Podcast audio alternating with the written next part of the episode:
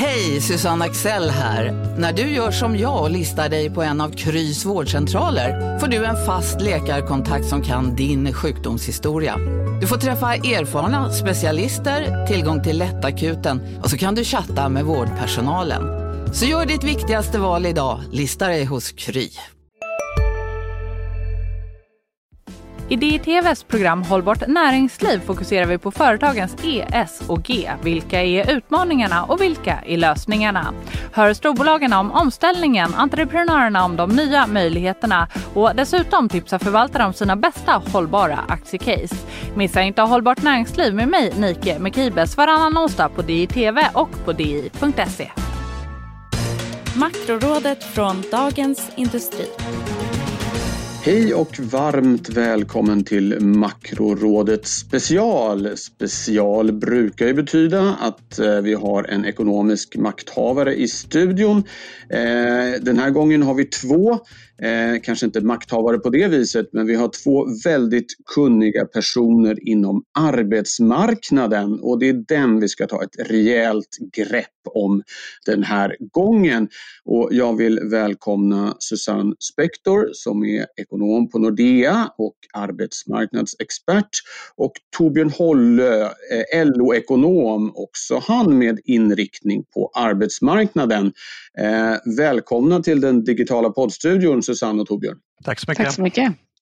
Ja, arbetsmarknaden som sagt, det är ju väldigt mycket som händer där eh, eh, med anledning av, av coronakrisen. Vi har fått se eh, arbetslösheten stiga ordentligt. Eh, vi har en del varsel, men vi har också en del eh, positiva tongångar. Eh, den är ju hög arbetslösheten, 8,6 procent enligt SCB, 8,8 enligt Arbetsförmedlingen. Det är ju lite olika mätmetoder där.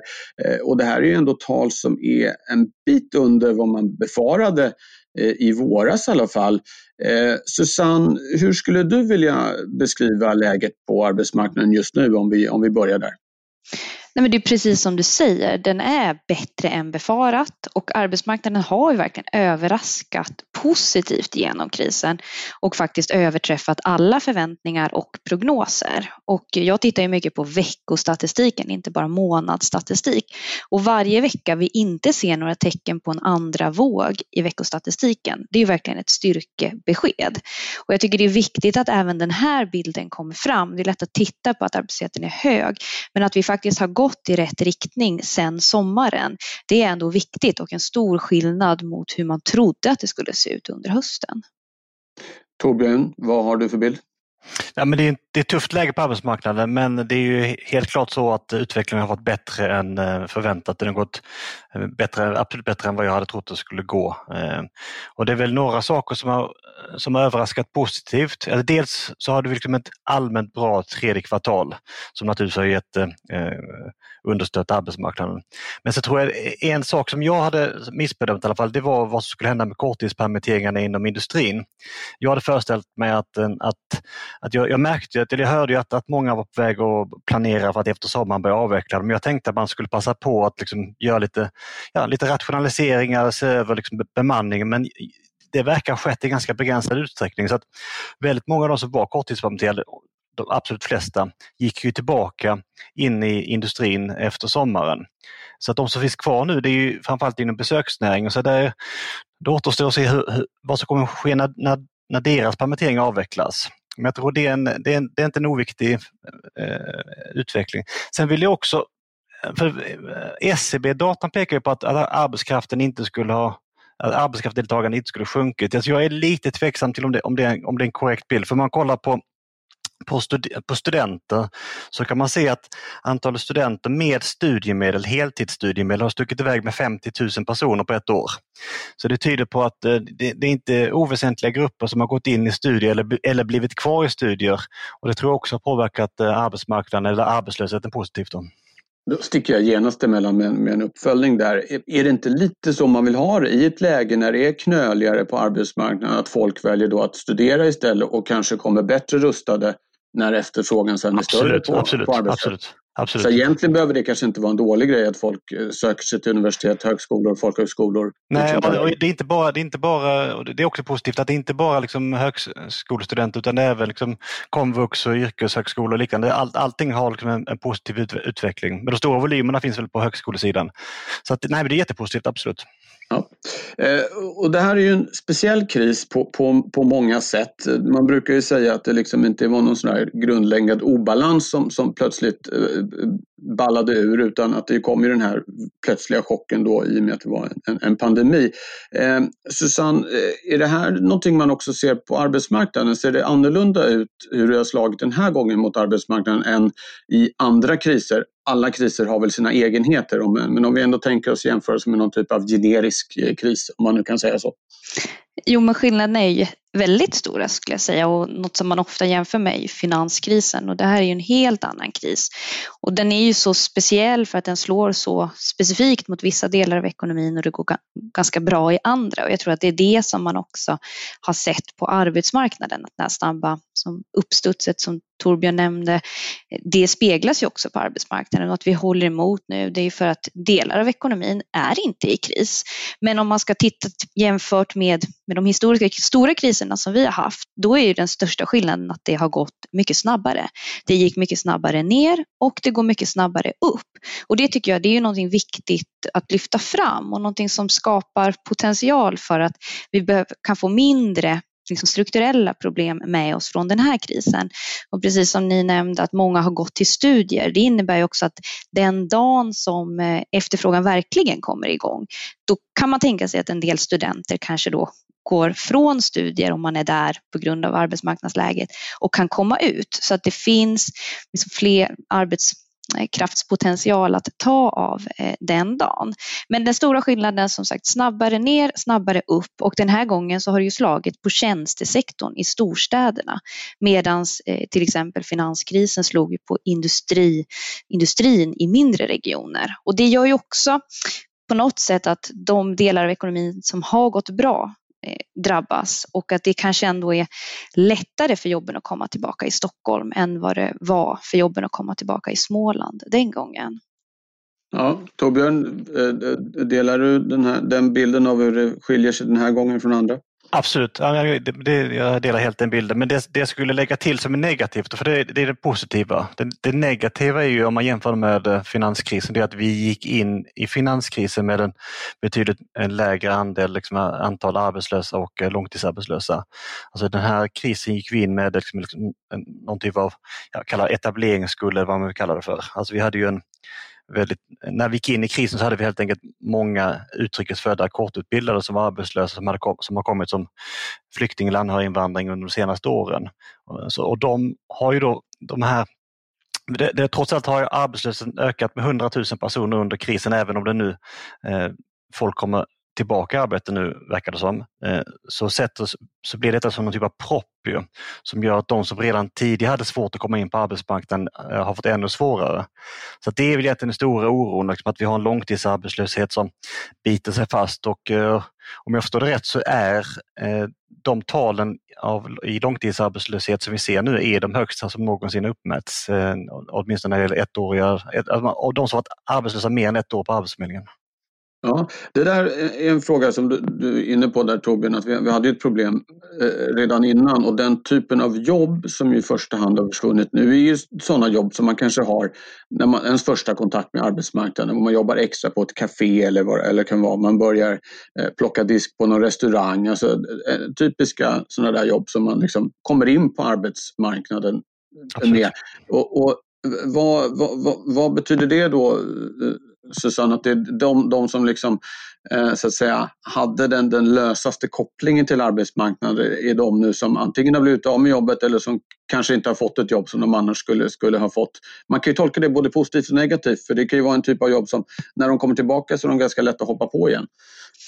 Ja men exakt och det där är precis å ena sidan så, så är det svårt att komma in på arbetsmarknaden, extra svårt just nu eftersom ingångsjobben är borta. Samtidigt kan de komma tillbaka snabbare. Men jag tycker Torbjörn sätter också fingret på någonting som är väldigt viktigt att komma ihåg. Att eh, även om arbetsmarknaden har varit liksom motståndskraftigare än vi trodde, så kom vi från ett tufft läge och om vi kommer tillbaka och vi tänker att vi, vi ändå kan komma tillbaka till en arbetsmarknad som liknar den vi hade, ja, då finns det fortfarande väldigt stora problem och arbetslösheten bland utrikesfödda har ju varit uppe över 20 procent i den här krisen och vi vet ju från forskning att komma ut på arbetsmarknaden även om man har goda förutsättningar i en kris kan ha väldigt långsiktigt långsiktiga effekter på karriär och, och lön till exempel. Så för de eh, som gör sitt arbetsmarknadsinträde nu så är det såklart otroligt problematiskt. Där kan jag tycka att man kan sakna ett fokus på det. Man har ju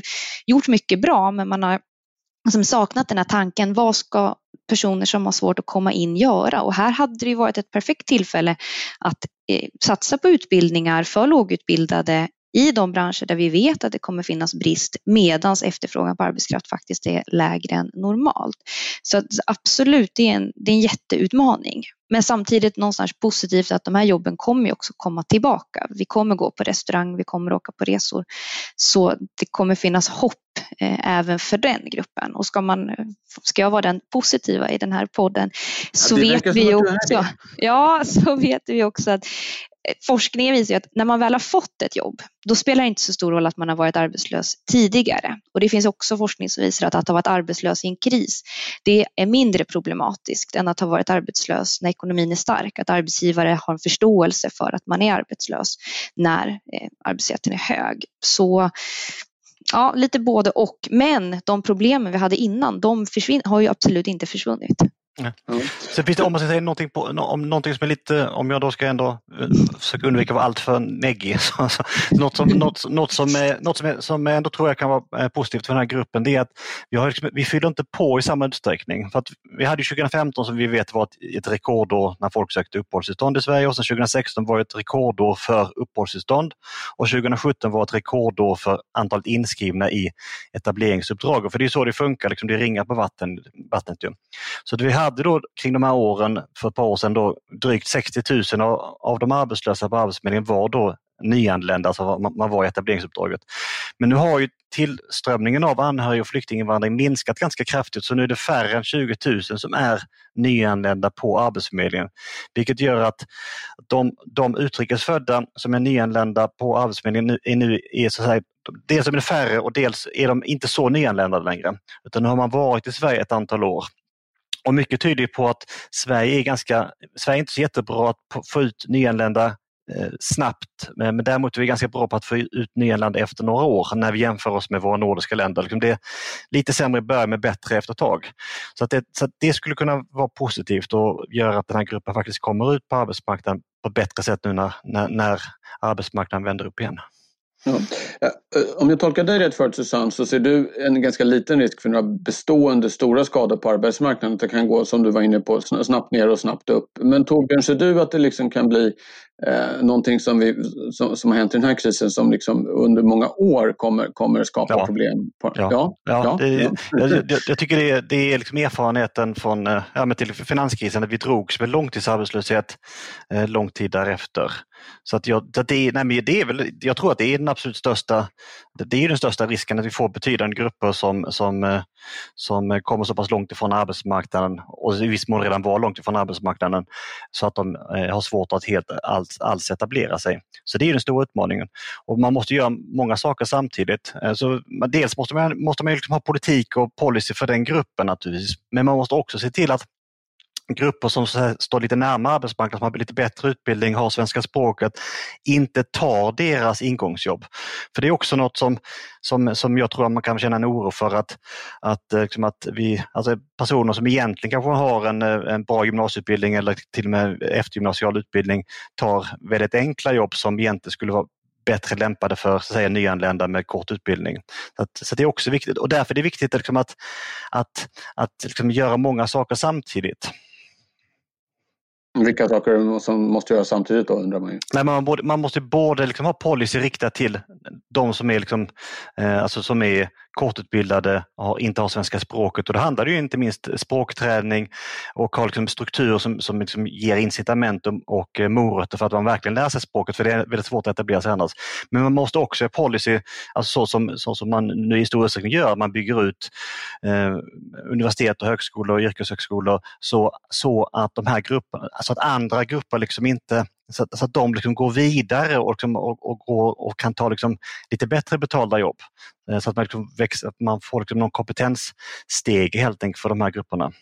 Ja. Eh, Susanne, du får ju förstås korrigera mig där om jag hävdar att du, att du tycker att, eller att risken är liten för bestående skador. Var det korrekt?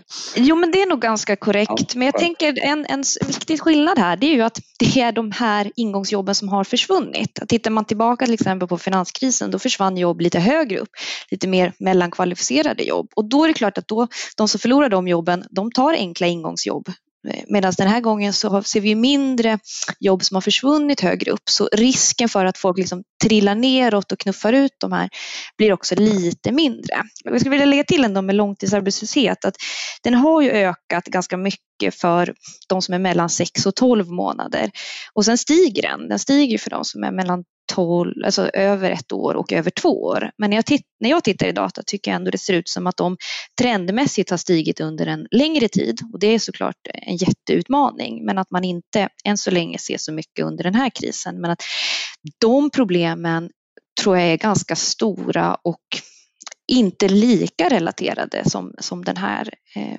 till den här krisen och att de stod långt bak i kön även tidigare och kommer kanske fortsätta stå långt bak i kön. Så när jag säger att vi kommer tillbaka ungefär till där vi var, ja, då kommer vi också tillbaka med alla de strukturella utmaningar och de problem med lågutbildade som fanns då. Så att det ska nyansera min, min positiva ton här. Ja precis, det gäller att hålla två saker i huvudet här. Tillbaka till där vi var, ja visst, men vi var inte i ett bra läge vad gäller arbets, arbetsmarknaden. Jag tänkte vi skulle, skulle återkomma till det. Men vi, vi, vi går vidare lite. Du var inne lite på regionala skillnader eh, Susanne, att det är en, en skillnad i den här krisen att det är framförallt eh, tjänstejobb i storstäderna snarare än kanske eh, verkstadsjobb i mindre städer eller på landsbygden. Eh, Torbjörn, är det något du vill lyfta fram eh, där? Du har väl eh, bra kontaktnät via LO gissar jag som har eh, järnkoll på de här sakerna? Ja, men det som är tydligt är det som, som vi redan varit inne på att Stockholm naturligtvis med, med den typ av kontaktnära sektorer är hårt drabbad av, av den här arbetslösheten. Men sen finns det väl också ett antal, sen, sen så bedömer jag att, liksom, att det är ett antal liksom, Eh, alltså mer specifika problem. Vi har till exempel Strömstad med, eh, med eh, gränshandeln. Vi har då Vimmerby med Astrid Lindgrens land. Så att jag, så att jag, det är liksom lite speciella problem ute i landet och jag delar nog Alltså, jag delar nog bilden som att, att det inte sker, alltså att industrin har ju klarat sig alltså, överraskande bra ju. Väldigt lite problem. Du har ju, har ju förvisso eh, strukturomvandlingen i pappersindustrin, det, det, var, det är ett stort slag mot Sundsvall ju. Eh, och det har väl i förvisso kanske på marginalen eh, accentuerats av den här krisen att vi har liksom konsumerat allt mindre av eh, papperstidningar. Men, men det låg liksom någonstans i, i i tangentens riktning att den typen av pappersproduktion eh, har det svårt såklart.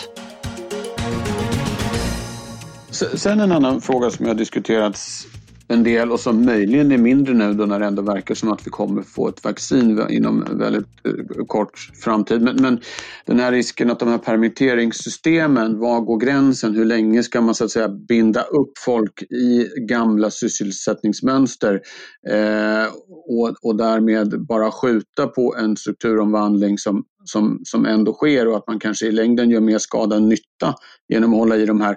Å andra sidan förstås då så skulle man ju få en snabbt stigande arbetslöshet om man bara inte hade gjort någonting. Men det räcker ju att titta på kurvorna och jämföra Europa med, med USA där.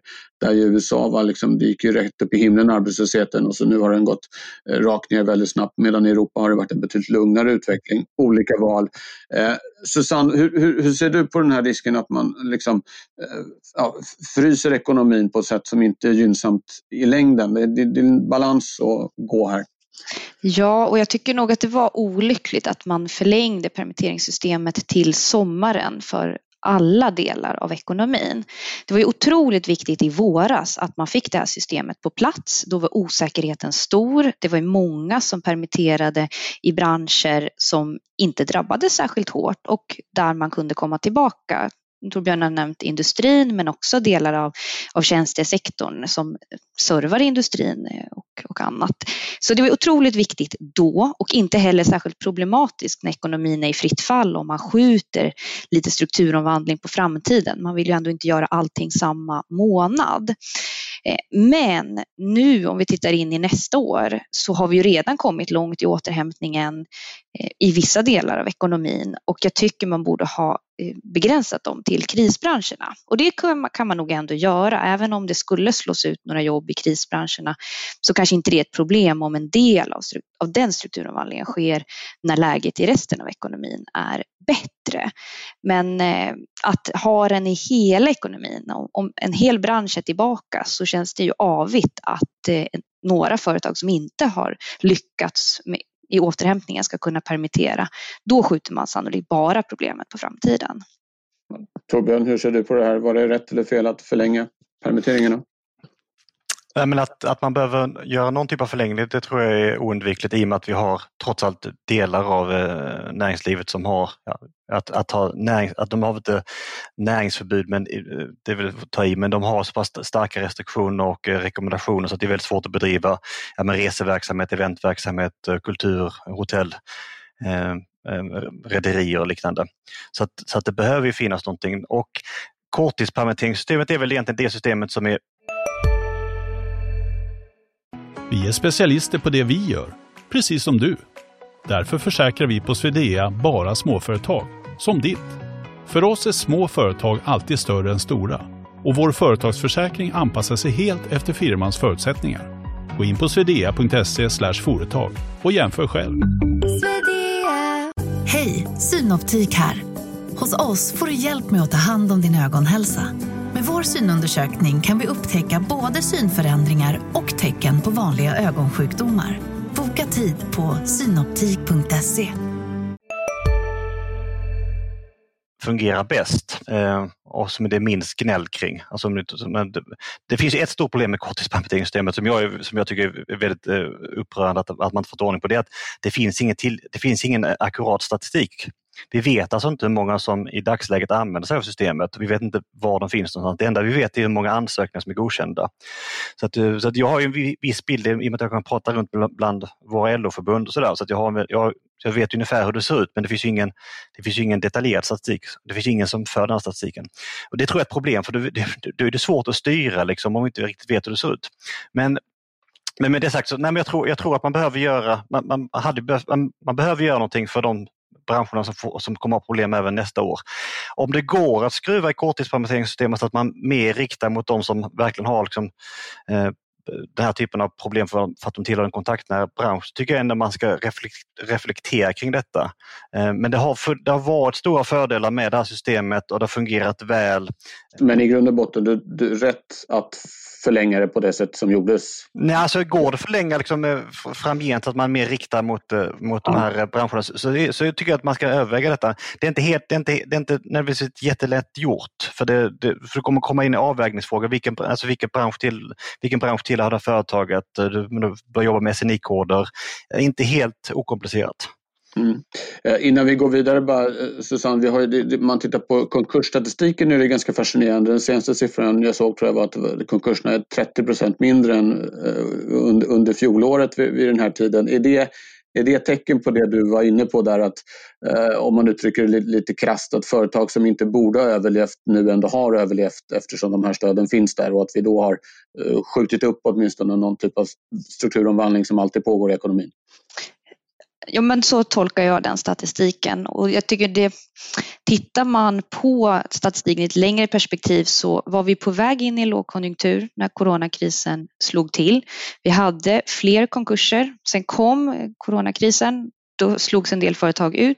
Sen kom stöden på plats och läget stabiliserades och sen dess har ju konkurserna legat klart under normalt. Så absolut så räddar man en del företag som kanske skulle ha slagits ut under året om inte coronakrisen hade kommit och de stöden som nu finns är på plats. Och det här var inte problematiskt i våras, men ju längre tiden går, desto mer problematiskt blir det. Eh, och jag tror att det kommer krävas ett visst mått av mod för politiken att så småningom rulla tillbaka stöden och acceptera att när stöden plockas bort så kommer det finnas en del företag som man har stöttat som inte klarar sig på egen hand och att man kommer få leva med en viss uppgång i konkurserna då när ekonomin går bättre. Och det behöver inte vara dåligt, för när ekonomin går bättre i övrigt, då är det ju lättare för till exempel de personer som eh, jobbar idag i de företag som går i konkurs att hitta annat. Så i den bästa världar så har man ju en pågående strukturomvandling som sker hela tiden. Så så är det lite kluven till om det här är bra eller dåligt, men absolut så eh, ser det ut som att stöden ändå når fram och att de har räddat en del företag som kanske inte hade kunnat klara en mild lågkonjunktur utan stöd. Alltså man måste ju ändå ge, alltså just det har fungerat fantastiskt fint för industrins sida. Uh, att vi hade liksom, stora delar av industrin använder sig av det här systemet. Ju. Men kunder då efter sommaren går på full fart. Och det är precis så som tanken är med systemet, det vill säga att du inte ska få några onödiga liksom, produktionsbortfall utan man kunde rulla igång med detsamma när, när det började ljusna lite grann. Så att, så att systemet har fungerat väldigt väl och som sagt jag, jag inser och eh, delar delvis eh, synen att, att vi måste fundera på hur vi ska hur vi ska göra i vår. Men det, det, är, inte, det är inte okomplicerat. Det, det, är ganska stora grupper som fortfarande behöver detta systemet. Ja. Nu har vi eh, på ett bra sätt börjat blicka lite framåt här. Jag tänkte vi skulle fortsätta med det. Eh, och, och, det är många som har eh, försökt förutspå och fundera över vad, vilka, om det kommer bli några liksom permanenta förändringar på arbetsmarknaden av den här krisen. Eh, ibland eh, kan det bli så lite när man är mitt uppe i ett dramatiskt händelseförlopp att det känns som att allt ska vara förändrat för all framtid. Oftast så är det väl så att fullt så dramatiskt blir det kanske inte på längre sikt. Men, men Torbjörn, ser du några, eh, någon sån där kommentar som man kan ha hört att eh, ja, nu har det, nu, det som annars skulle ha skett på fem år har hänt på fem månader här vad gäller exempelvis användning av digitala verktyg och sånt. Vad, vad, vad ser du liksom, om du blickar inte bara nästa år utan kanske fem, tio år fram? Är, är det liksom nya strukturer som vi kommer få på arbetsmarknaden på grund av den här krisen eller är det bara tillfälligt? Nej, men jag, jag, tror att det är en rimlig tagning att tänka sig att, att vad den här krisen gör, det är inte att, liksom att Eh, skapa, skapa nya strukturer men det här med att skynda på en strukturomvandling och, om, och ja, ja, fem månader till fem år, eller istället fem år istället för fem månader. Jag brukar uttrycka det så också själv men det är väl lite väl, det är lite, lite väl förenklat. Men, men det är så, på, på delar av, inom delar av ekonomin så är det ju, men det är, är det ju revolutionerande det som pågår, liksom hur vi möts och hur vi samtalar och hur vi handlar och så, så, så det är klart att det får stora effekter. Sen tror jag det är också så att, att Eh, det är nog sådana som vi som är kanske mest påverkade av den här digitaliseringsvågen. Alltså vår, vår, arbet, vår arbets, eh, möjlighet att arbeta hemifrån till exempel. Stora grupper har ju inte haft möjligheten att jobba hemifrån under den här krisen. Det gäller inte minst eh, i princip alla LO-medlemmar men även många andra tjänstemannayrken som, som behöver finnas på plats. Ju. Så att jag, och I någon mening så är det, ju, det är sådana som oss som, som får sätta agendan och prata, och vi, och prata om de här frågorna. Så det kan ha blivit väldigt mycket fokus på liksom jobba hemma och de möjligheterna. För många så är, är det ju, har, har det aldrig hänt under den här krisen. Ju.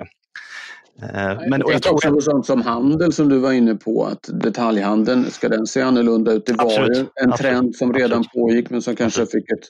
Och, eh, ja. så att, eh, jag är helt med dig på att det är väldigt mycket fokus på att jobba hemma därför att vi som skriver i tidningar är sådana som kan jobba hemma men är man förskollärare eller sjuksköterska så är det svårt att jobba hemma. Nej. Ska jag också fundera på det att när man bygger upp de här digitala strukturerna, i den mån som man, som man kan klara att göra mer, så att säga, mer kallar för lite enklare tjänstemannajobb hemifrån genom, genom att man bygger upp digitala strukturer så tror jag att det egentligen är bara ett, det är väl bara ett mellansteg till outsourcing. För den dagen du kan liksom skicka hem kundtjänstpersonal och jobba hemifrån med de här frågorna kan du väl egentligen så kommer ju den arbetsgivaren börja överväga varför man inte skickar de här kundtjänstuppgifterna till ett annat land där löneläget ser helt annorlunda ut. Så att det, så att jag tror att det, för lägre tjänstemannayrken så tror jag att detta kan påverka ganska mycket. Ja. Eh, Susanne, vad tänker du kring permanenta respektive tillfälliga eh, förändringar som en följd av den här krisen? Jag delar ganska mycket Torbjörns bild och jag tror också att det är mer tillfälliga faktorer än vad man tror idag. Man är ju väldigt mitt, mitt uppe i det och jag tror att mycket av arbetsmarknaden kommer fortsätta vara lokal. Ibland pratas det om att hela arbetsmarknaden nu blir global för att vi kan sitta, eh, jobba så mycket var som helst. Men det är ju en väldigt liten del av ekonomin som det handlar om och för en del av den, till exempel programmering och IT, så är ju det någonting som man har sett under lång tid. Men sen är det klart att vissa saker snabbas på. Vi pratade om butiksdöden innan och det är klart att en del butiker hade det tufft och de lär ju inte få det mindre tufft. Men det behöver ju nödvändigtvis inte betyda att det blir färre sysselsatta i någon form av bredare bemärkelse av försäljning av varor utan man flyttar istället för att vara i, i mataffären eh, tvärs över gatan så är man på, på ett lager där man packar, packar varor och liknande. Eh, men sen så tror jag att eh, det är klart att i närtid så kommer en del välja att jobba hemifrån mer. Det kanske kan bli effekter på eh, bostadsmarknaden, att eh, man kan lättare att veckopendla om man kan jobba två dagar hemifrån. Man kanske väljer att bo lite längre från Stockholm. Ska man spekulera så kan man tänka sig att närförorterna får det tuffare till förmån för de städer som ligger inom pendlingsavstånd till Stockholm. Så, så viss skillnad såklart, men eh, om vi poddar och pratar om det här om fem år så tror jag det kommer vara mindre än vad vi tror idag när vi står mitt uppe i det. Ja, det där, det där är en sån sak som man kan tänka sig positivt. För vi har ju vi har ett problem på arbetsmarknaden och vi har också ett problem på bostadsmarknaden. Att det är väldigt svårt att kunna flytta dit där det finns jobb.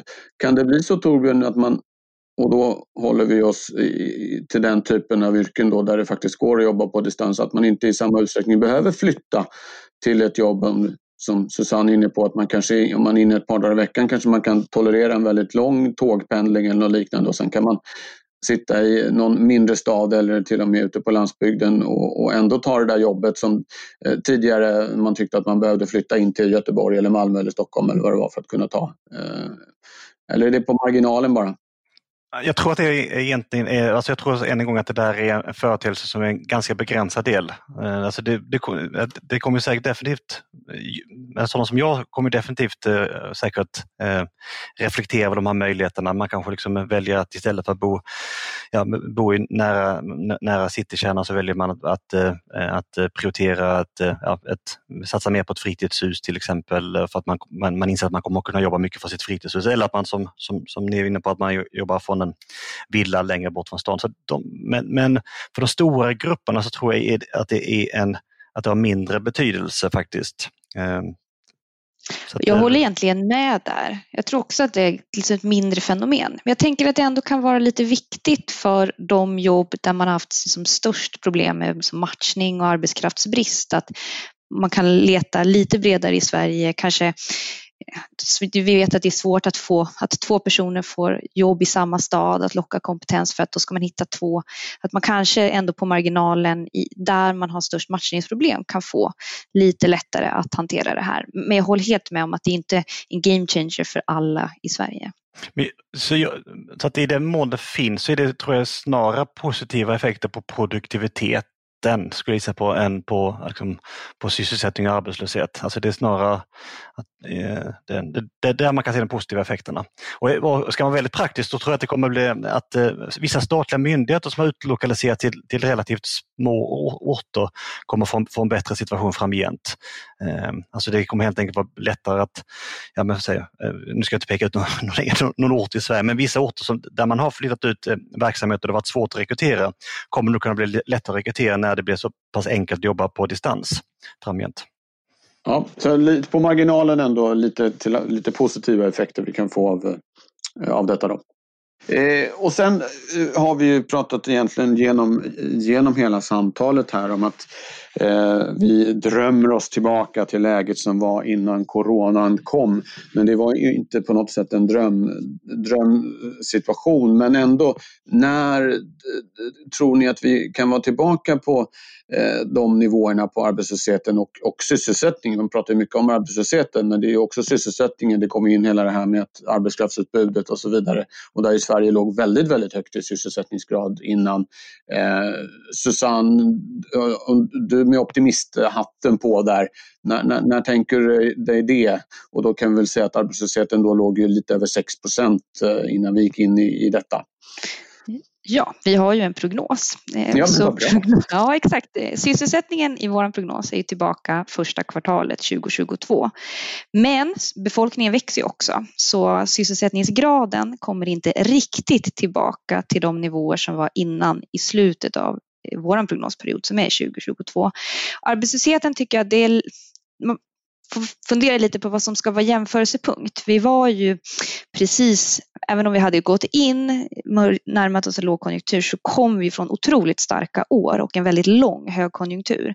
Så frågan är om eh, exakt den arbetslöshetsnivå man hade precis innan är, är rätt jämförelsetal.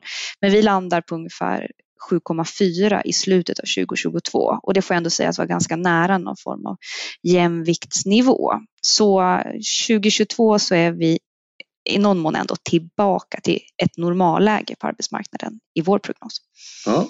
Eh, Torbjörn, ni har också en prognos? Ja, vi har en prognos på gång. Eh, vi kommer, ja, vi kommer presentera på eh, en bit in i december. Men ja. jag föreställer mig att vi, vi kommer landa där fast snäppet mer pessimistiskt. Så att ingen jättestor skillnad i syn på detta. Ja, men jag sökte att det finns ju några saker som jag tror man ska bevaka liksom, en, som varje del för sig kanske inte är avgörande men sammantaget. Det, en viktig del blir ju vad som sker med den här avvecklingen av de här som är korttidspermitterade inom inom besöksnäringen. Eh, kommer de tillbaka på arbetsmarknaden eller inte? Eh, och vi också håller, håller lite ordning på, liksom, håller koll på hur, hur det ser ut på, på migrationssidan. Alltså kommer, det, kommer, det, kommer det fortsätta vara mer begränsad liksom, asyl och anhöriginvandring så att vi liksom inte får så hårt tryck på etableringsprogrammet? Det kommer, då, det kommer också på marginalen vara positivt. Och sen ser vi också väldigt mycket händerna naturligtvis på, på, på omvärlden. För tillfället så för ju Europa en väldigt expansiv politik som man dessutom har, man har, man har dessutom tagit in den på, liksom, på EU-nivå nu. Och det är, det, är, det är också en stor skillnad mot hur det var efter eh, finanskrisen. Liksom där, där vi, efter finanskrisen fick vi en eurokris eh, bara något år senare. Eh, och, och kan vi undvika det så, så stärks ju verkligen möjligheten att komma tillbaka till ett bättre läge rätt så snabbt. Just det. Och, och, då, och, och, och den, nästa fråga då när vi är tillbaka i någon slags, ja, som det var innan, eh, som vi har varit inne på så hade vi ju rätt stora problem på arbetsmarknaden. För jag menar att 7,4 eller vad du nu sa Susanne, att det är liksom en, en, en jämviktsnivå. Det är ju egentligen en väldigt, väldigt hög arbetslöshet. Eh, Torbjörn, eh, eh ingen lätt puck att ta sig an, men hur ska vi liksom göra? Okej, okay, krisen, den här krisen avklarad, men, men, men den grundkrisen som vi ändå har, vad gör vi åt den? Men vi måste ju ordning och reda på migrationen. Alltså det, man, måste ju, man måste ju vara ärlig och se det som det är. Alltså 60 procent av de arbetslösa före för, eh, krisen var utrikesfödda. Så att, eh, det, är liksom, det, det där är liksom en central förklaringsfaktor till att det ser ut som det gör. Sen måste vi ha liksom en, en efterfrågan som fungerar, det eh, både liksom en finanspolitik och en penningpolitik som, som hjälper till. Eh, nu har vi haft en, en expansiv penningpolitik under många år men vi hade ju efter, efter finanskrisen under några år en riksbank som tittade ganska mycket på bostadspriserna och eh, höll en, enligt min mening en för hög ränta och det bidrog också till att vi fick upp arbetslösheten för högt. Och sen måste man göra massa strukturella saker också naturligtvis. Man, det, vi har pratat om flera av de här sakerna. Jag tror mycket så språkträning och utbildningskrav för nyanlända, det tror jag är jätteviktigt. Eh, eh, goda möjligheter att yrkesväxla, inte minst om vi är tillbaka till den här gruppen då som, som är korttidspermitterade som har jobbat inom besöks, eller som jobbar inom besöksnäringen. Jag tror ändå att den sektorn kommer krympa något eh, även efter pandemin och det är viktigt att de här personerna kanske går vidare till jobb med lite bättre eh, framtidsutsikter. Så att eh, det ska säga migrationen, efterfrågan och strukturella insatser. Ja, eh, Susanne, eh, den svåra frågan, eh, hur kommer vi ner på ehm, lägre arbetslöshetstal liksom i ett längre perspektiv? Ja, men det är ju det är ju en väldigt svår fråga. Både liksom, vad behöver man göra? Men sen är det också, som ekonom så vill man ju ändå hellre titta på sysselsättningsgraden. För Sverige ja. har ju en hög arbetslöshet också på grund av att vi har ett väldigt högt arbetskraftsdeltagande jämfört med andra länder. Det är ju i grunden någonting positivt. Vi har också många unga, många studenter eh, som är arbetslösa. Så sysselsättningsgraden är ju absolut viktigast. Men med det sagt så är ändå en hög arbetslöshet ett tecken på att arbetsmarknaden inte fungerar på ett optimalt sätt. Och det är ju ändå så att det är framförallt inflationen. arbetslösheten bland utrikesfödda är ju otroligt hög och även om vi då har en optimistisk en mer optimistisk prognos än många andra för att vi ser liksom stimulanser och vi ser en, en kraft i ekonomin så hamnar vi då på en arbetslöshet för utrikesfödda på 16 procent i slutet av prognosperioden. Så att rent matematiskt så är det ju där man behöver göra de, de stora insatserna. Eh, men då är ju både efterfrågan viktigt integration. Och sen så, för att säga det jag redan har sagt, jag tycker inte man ska slösa bort den här tiden genom att inte utbilda, inte satsa på, eh, på den. Och om det finns någon gång som det är rätt att satsa på utbildning och kunskapslyft så är det ju när efterfrågan på arbetskraft är, svag och de som eh, står lite längre ifrån står sist i kön till jobben. Medan sen när ekonomin vänder upp, vi får ett starkt tryck, ja då ska man vara ute på företagen, göra praktik. Då är det det som oftast hjälper. Men i ett läge där det är kris så är det heller inga företag som, eller få företag som mäktar med att ta sig an praktikanter och, och jobba med det om man jobbar med företagets överlevnad. Så jag skulle vilja se en arbetsmarknadspolitik som också anpassar sig lite efter konjunkturläge. Nu är tiden för utbildning, sen är tiden för praktik och eh, någon som kan ta sig an det. Men sen vill jag också säga att det är ju väldigt viktigt hur snabbt återhämtningen går. Det är ju det absolut mest avgörande för om vi kommer komma tillbaka och, och där finns det ju hopp. Men det är ju viktigt att vaccineringen nu kommer igång, att vi inte hamnar efter andra länder, att vi kan få en stark återhämtning under loppet av 2021. Annars riskerar vi att hamna i ett läge där vi inte bara behöver lösa problemen innan utan också måste lösa massa nya problem som skapas av att vi drar ut på krisen längre än vad som tycks nödvändigt om man tittar på andra länder och hur långt de har kommit i både planering och godkännande av vaccin. Ja.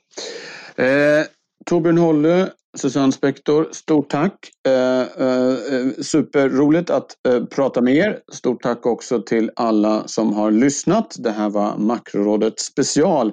Man kan också lyssna på det ordinarie Makrorådet eh, som publiceras varannan vecka samt en hel drös andra poddar från Dagens Industri. Dagligen finns det Morgonkoll och Ekonomistudion och så finns det mera specialinriktade poddar som Digitalpodden och Analyspodden. Men nu sätter vi punkt för idag. Tack så länge. Tack. Tack. Makrorådet från Dagens Industri. Podden klipps av Umami Produktion. Ansvarig utgivare Peter Fällman. I DI-TVs program Hållbart näringsliv fokuserar vi på företagens E, S och G. Vilka är utmaningarna och vilka är lösningarna? Hör storbolagen om omställningen, entreprenörerna om de nya möjligheterna och dessutom tipsar förvaltare om sina bästa hållbara aktiecase. Missa inte Hållbart näringsliv med mig, Nike Mekibes, varannan onsdag på DI-TV och på di.se.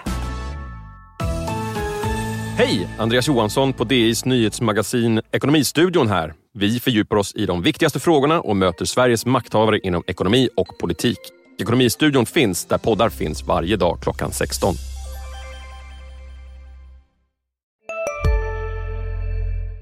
Välkommen till Maccafé på utvalda McDonalds restauranger med Baristakaffe till rimligt pris. Vad sägs om en latte eller cappuccino för bara 35 kronor? Alltid gjorda av våra utbildade baristor. En nyhet. Nu kan du teckna livförsäkring hos Trygg-Hansa. Den ger dina nära ersättning som kan användas på det sätt som hjälper bäst. En försäkring för dig och till de som älskar dig. Läs mer och teckna på trygghansa.se. Trygg Hansa. Trygghet för livet.